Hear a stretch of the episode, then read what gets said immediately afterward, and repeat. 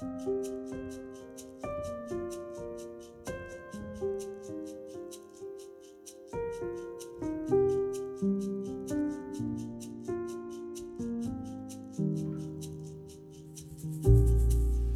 lytter. Det har gått en drøy uke siden sist jeg leste inn en ny podkast.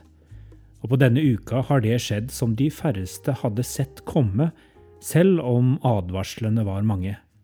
Russland har invadert Ukraina.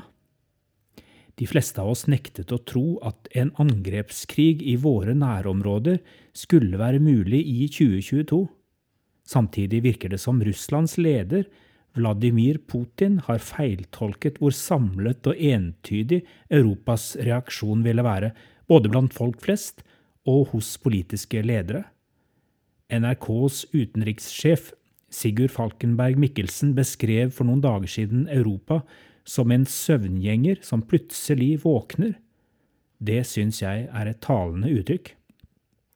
I en hverdag der det i stor grad har handlet om strøm og bensin, og å takle de siste rester av koronaproblematikk i den rike del av verden, våknet vi plutselig opp til en meningsløs og skremmende krig i vårt eget nabolag.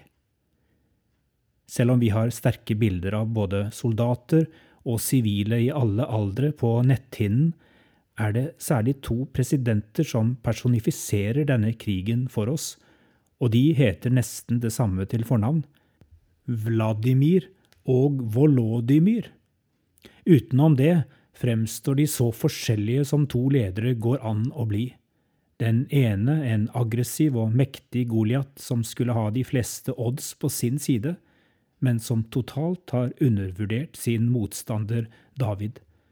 Vi er mange som har fått opp øynene for Ukrainas sak nettopp av det modige og tilstedeværende lederskapet president Volodymyr Zelenskyj har vist, han holder for øvrig taler som allerede har gjort ham til en moderne Winston Churchill.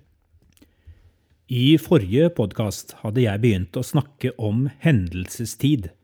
Den måten å forstå tid på som først og fremst tar utgangspunkt i at noe skjer, den subjektive opplevelsen av tid, eller levd tid, som noen også vil kalle det.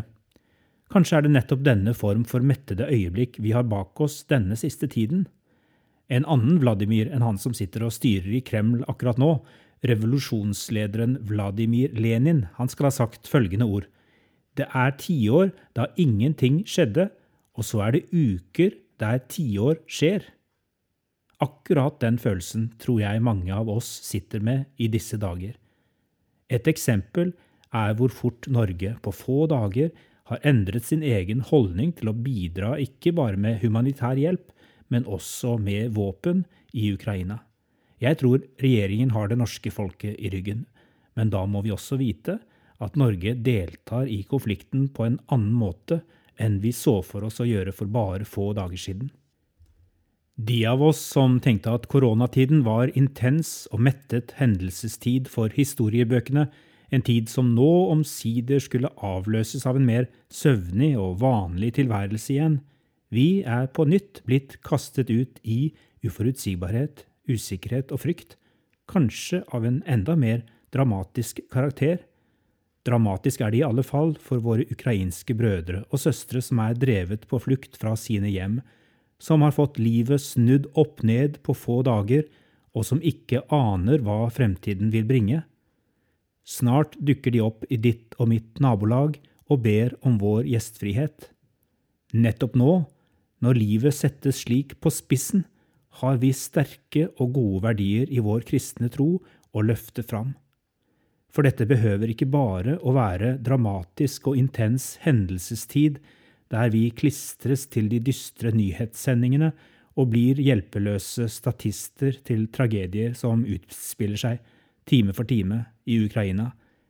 Dette kan også være Kairos-tid, et mulighetsvindu der evigheten kysser tiden, og der Gud kan handle både for oss og gjennom oss. Kairos-tid skjer hver gang vi løfter blikket og inviterer Guds rikes krefter inn i vår skakkjørte verden. Nettopp nå er det makt i de foldede hender.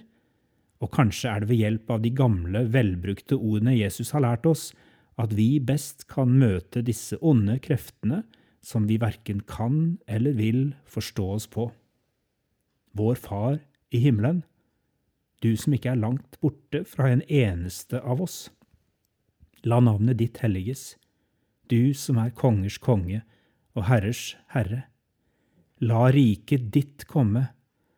Gi fanger frihet, gi blinde synet igjen, sett undertrykte fri. La viljen din skje i Ukraina og her på vårt kontinent, slik som i himmelen. Gi oss i dag vårt daglige brød, og hjelp oss til å dele av vår overflod med dem som trenger det. Og tilgi oss vår skyld, det vi har gjort for å bygge murer mellom mennesker, det vi ikke har gjort for medmenneskers frihet og rettferdighet, slik også vi tilgir våre skyldnere, slik vi alltid og alle steder søker forsoningens veier der urett er begått. Og la oss ikke komme i fristelse til selv å misbruke vår makt og vår frihet til å tråkke på andre. Men frels oss fra det onde, som ikke er en kamp mot mennesker, men mot maktene, mot myndighetene, mot verdens herskere i dette mørket, mot ondskapens ånde her i himmelrommet.